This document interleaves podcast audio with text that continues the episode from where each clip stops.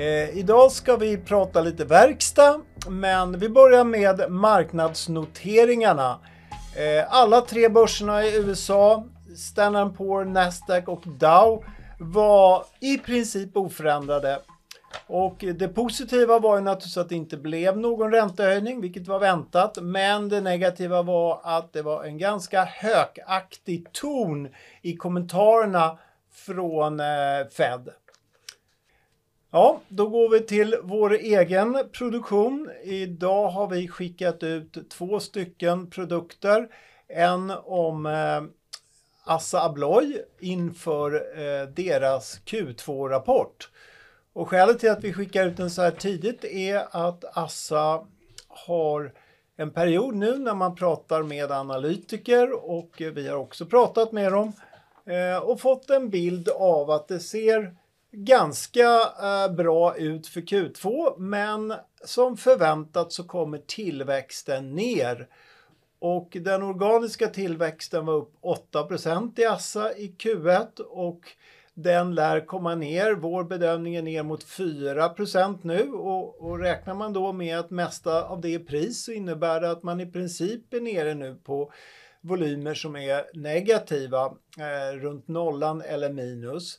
Eh, och det är huvudsaken Europa som står för eh, den svaga utvecklingen och det är faktiskt Norden och Sverige som, som är svagast och det gäller ju framförallt då byggandet som har tappat väldigt kraftigt. Så sammanfattningen är eh, svagare tillväxt men det är förväntat. Men marginalen hålls uppe hyfsat väl och det är också ett annat tema för alla verkstadsbolagen att nu börjar verkstadsbolagen eh, få lägre kostnader. Det är fraktkostnader, det är energikostnader, det är stålkostnader. Eh, och samtidigt som man då har höjt sina egna priser ganska ordentligt. Och det här gör att många eh, tillverkande bolag kommer att leverera väldigt bra marginaler i Q2 även om försäljningen är ner lite. Eh, vad tycker vi om aktien? Ja, eh, vi har oförändrad riktkurs och oförändrade prognoser. Eh, en oförändrad riktkurs på 300 kronor och tycker att Assa är fortsatt köpvärd.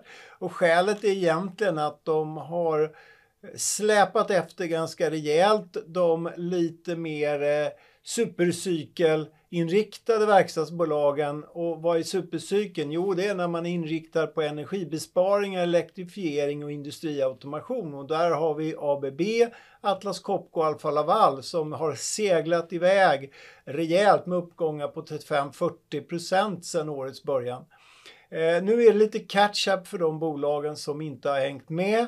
Eh, men som inte har samma tryck i efterfrågan. Så vi gillar Assa, men mer som ett mer defensivt, eh, lite mindre cykliskt eh, bolag än de här eh, fantastiskt starka verkstadsbolagen.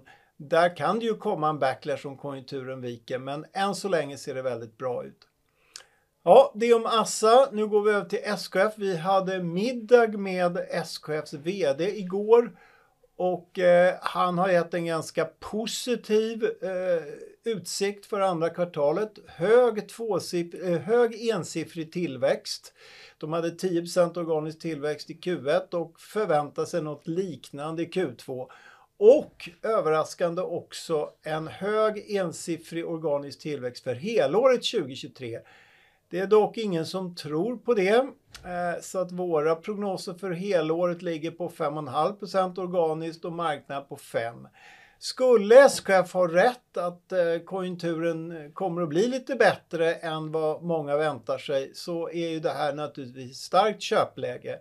Eh, och vi står i den ringhörnan. Vi tycker att SKF har behandlats ganska styrmodligt av börsen och eh, det finns definitivt en potential sett till de här väldigt eh, boomande bolagen som vi har pratat om, Atlas Alpha, ABB. Eh, så att vi tycker definitivt att man kan köpa SKF inför rapporten. Förväntningarna är lågt ställda och bolaget kommer också att redovisa ganska bra marginaler. Så jag tror att det kan bli en riktigt bra rapport i Q2 och vi har en riktkurs på 270 kronor.